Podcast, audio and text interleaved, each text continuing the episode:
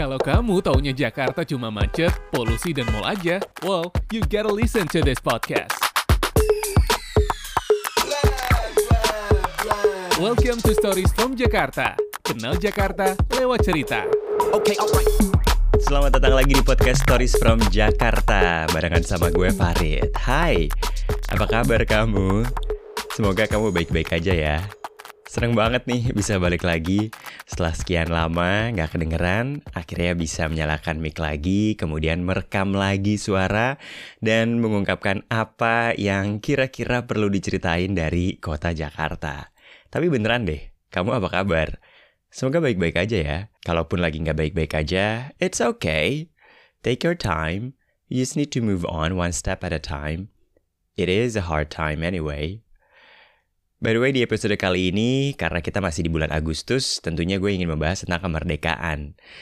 Judulnya kayaknya provokatif banget ya. Jakarta belum merdeka. Tenang-tenang. Ini bukan episode untuk bikin kontroversi kok. Tapi nyatanya ketika gue ngobrol sama teman gue tentang Jakarta dan permasalahannya, ada nih beberapa hal yang membuat kita merasa kalau Jakarta itu memang belum merdeka.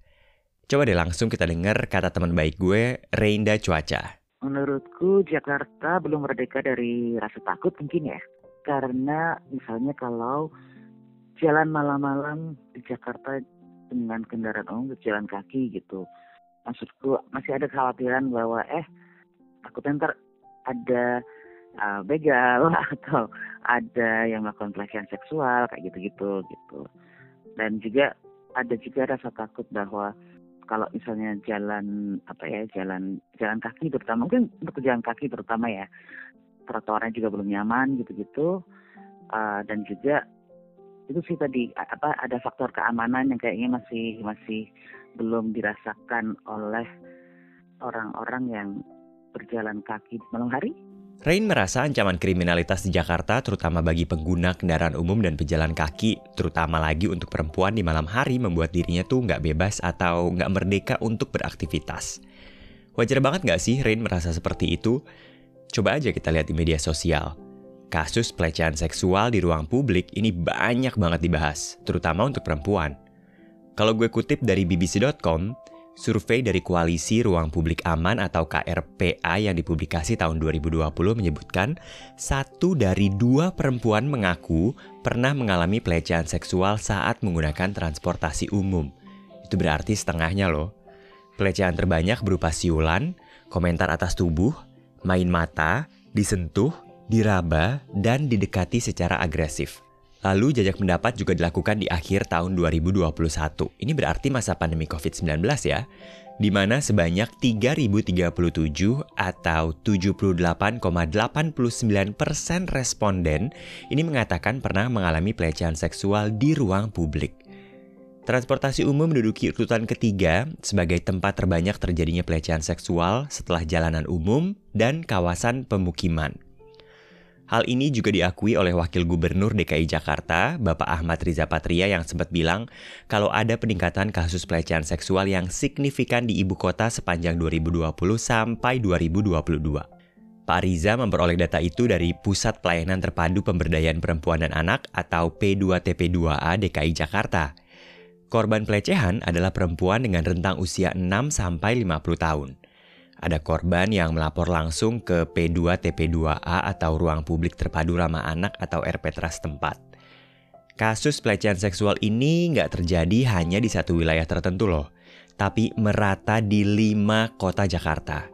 That is worrying ya. Kepala Dinas Perhubungan DKI Jakarta, Pak Syafrin Liputo mengungkapkan terhitung sejak Januari hingga bulan Agustus 2022 sendiri, tercatat ada 9 kasus pelecehan seksual di bus Transjakarta.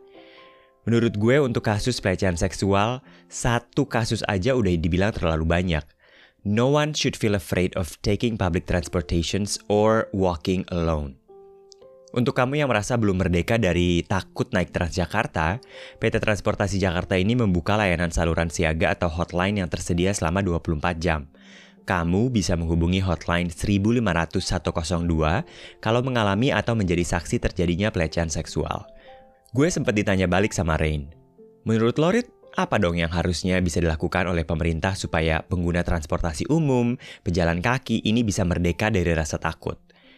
Yang pertama menurut gue pribadi tentunya harus nih ya pemerintah menjalankan undang-undang kekerasan seksual yang memang sudah disahkan oleh DPR. I think why people are still afraid because we know law enforcement yang lemah di Indonesia. Jangan lupa juga kalau pemerintah, polisi, dan operator transportasi umum, kalau kejadiannya di bus atau kereta ya, ini harus menindaklanjuti setiap kasus yang terlapor. In a lot of cases, people don't wanna make complaints karena mereka tahu kasusnya cuma akan menguap gitu aja. Harus viral dulu kan, baru kemudian ada tindak lanjutnya. Kalau untuk hal-hal kecil sih banyak ya yang masih bisa diimprove, seperti penerangan di jalan-jalan yang gelap sehingga kita merasa aman untuk berjalan kaki di malam hari sekalipun atau membuat konsep complete street. Last but not least, edukasi. Edukasi dengan kampanye yang masif tentang kekerasan seksual. Kalau di bus Jakarta nih, nggak cukup sih dengan ikon gambar. Di jendela-jendela bus yang besar-besar itu harus ada kampanye untuk mencegah kekerasan seksual. Oke, sekarang kita ke kasus berikutnya. Kita dengar dari temen gue Joshua. Apa sih yang menurut dia membuat Jakarta ini belum merdeka? Jakarta belum merdeka dari uh, akses yang nyaman buat pejalan kaki.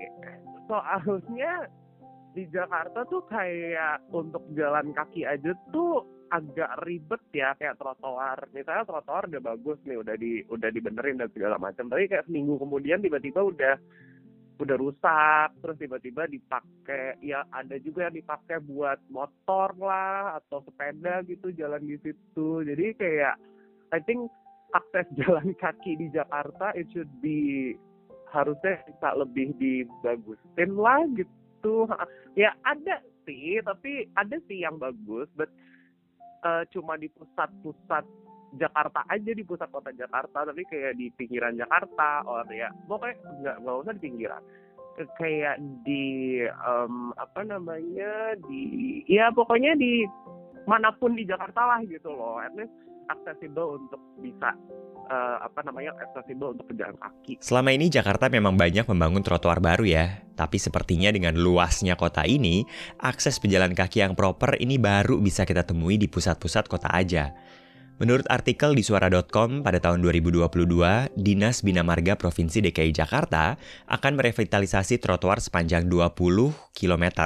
Sedangkan selama 2016 sampai 2021, panjang revitalisasi trotoar di Jakarta sudah mencapai 337 km. Tentunya akses pejalan kaki yang aman dan nyaman bukan hanya membangun trotoar dong.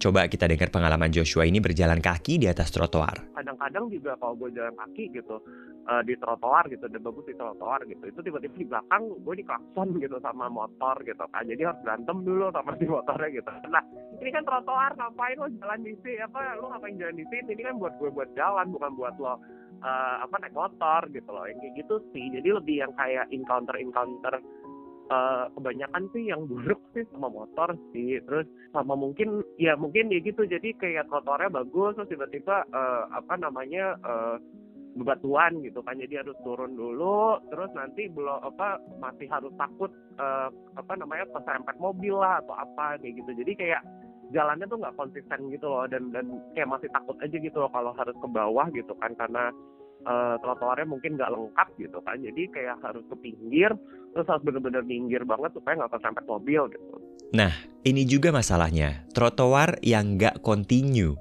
Kadang dari satu ruas jalan ada trotoar bagus, tapi kemudian di jalan berikutnya trotoarnya menghilang.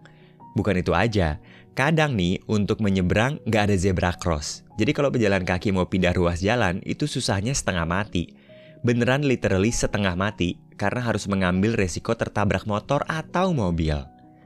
Oke, sekarang kita pindah lagi ke teman gue berikutnya. Namanya Ara dan menurut dia Jakarta ini belum merdeka dari dari stigmanya tentang perempuan khususnya tentang perempuan-perempuan yang belum menikah di umur 30 tahun itu menurut aku belum merdeka banget. Kayak aku ngalamin sendiri jadi makanya aku bisa ngomong kayak gitu banyak banget lingkungan di sekitar rumahku tuh yang kayak ngejat lebih ngejat mungkin ya menurut aku uh, melihat aku yang sebagai pekerja terus melihat aku yang sudah mulai memasuki umur kepala tiga mereka tuh biasanya cuma nyindir kapan gitu. Kamu kan tinggal sendiri, nggak mau punya pasangan. Wow. Terus biasanya kamu responsnya gimana? Aku akan meresponnya dengan senyuman yang pertama.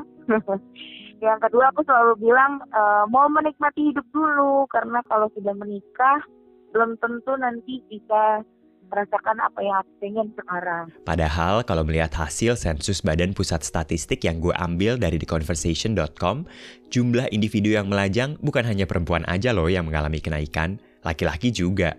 Hasil BPS menunjukkan jumlah lelaki yang memilih single di usia 35 sampai 39 tahun ini mengalami kenaikan dari 10,02% di tahun 2000 menjadi 11,58% di tahun 2010. Terus, kenapa stigma terhadap orang belum nikah itu tetap ada? Lagi-lagi gue kutip dari theconversation.com, karena masyarakat Indonesia adalah masyarakat yang sangat obsesif terhadap pernikahan. Apalagi stigma terhadap perempuan yang belum menikah itu dianggap belum sempurna kalau belum menikah. Padahal bisa jadi perempuan itu memiliki tujuan lain dalam hidupnya selain menikah. So, di hari kemerdekaan ini gue ingin mengucapkan selamat hari ulang tahun ke-77 Indonesia. Semoga Indonesia dan Jakarta bisa merdeka dari rasa takut akan kekerasan seksual dan kriminalitas, bisa bebas menjadi pejalan kaki, dan bisa merdeka dari stigma.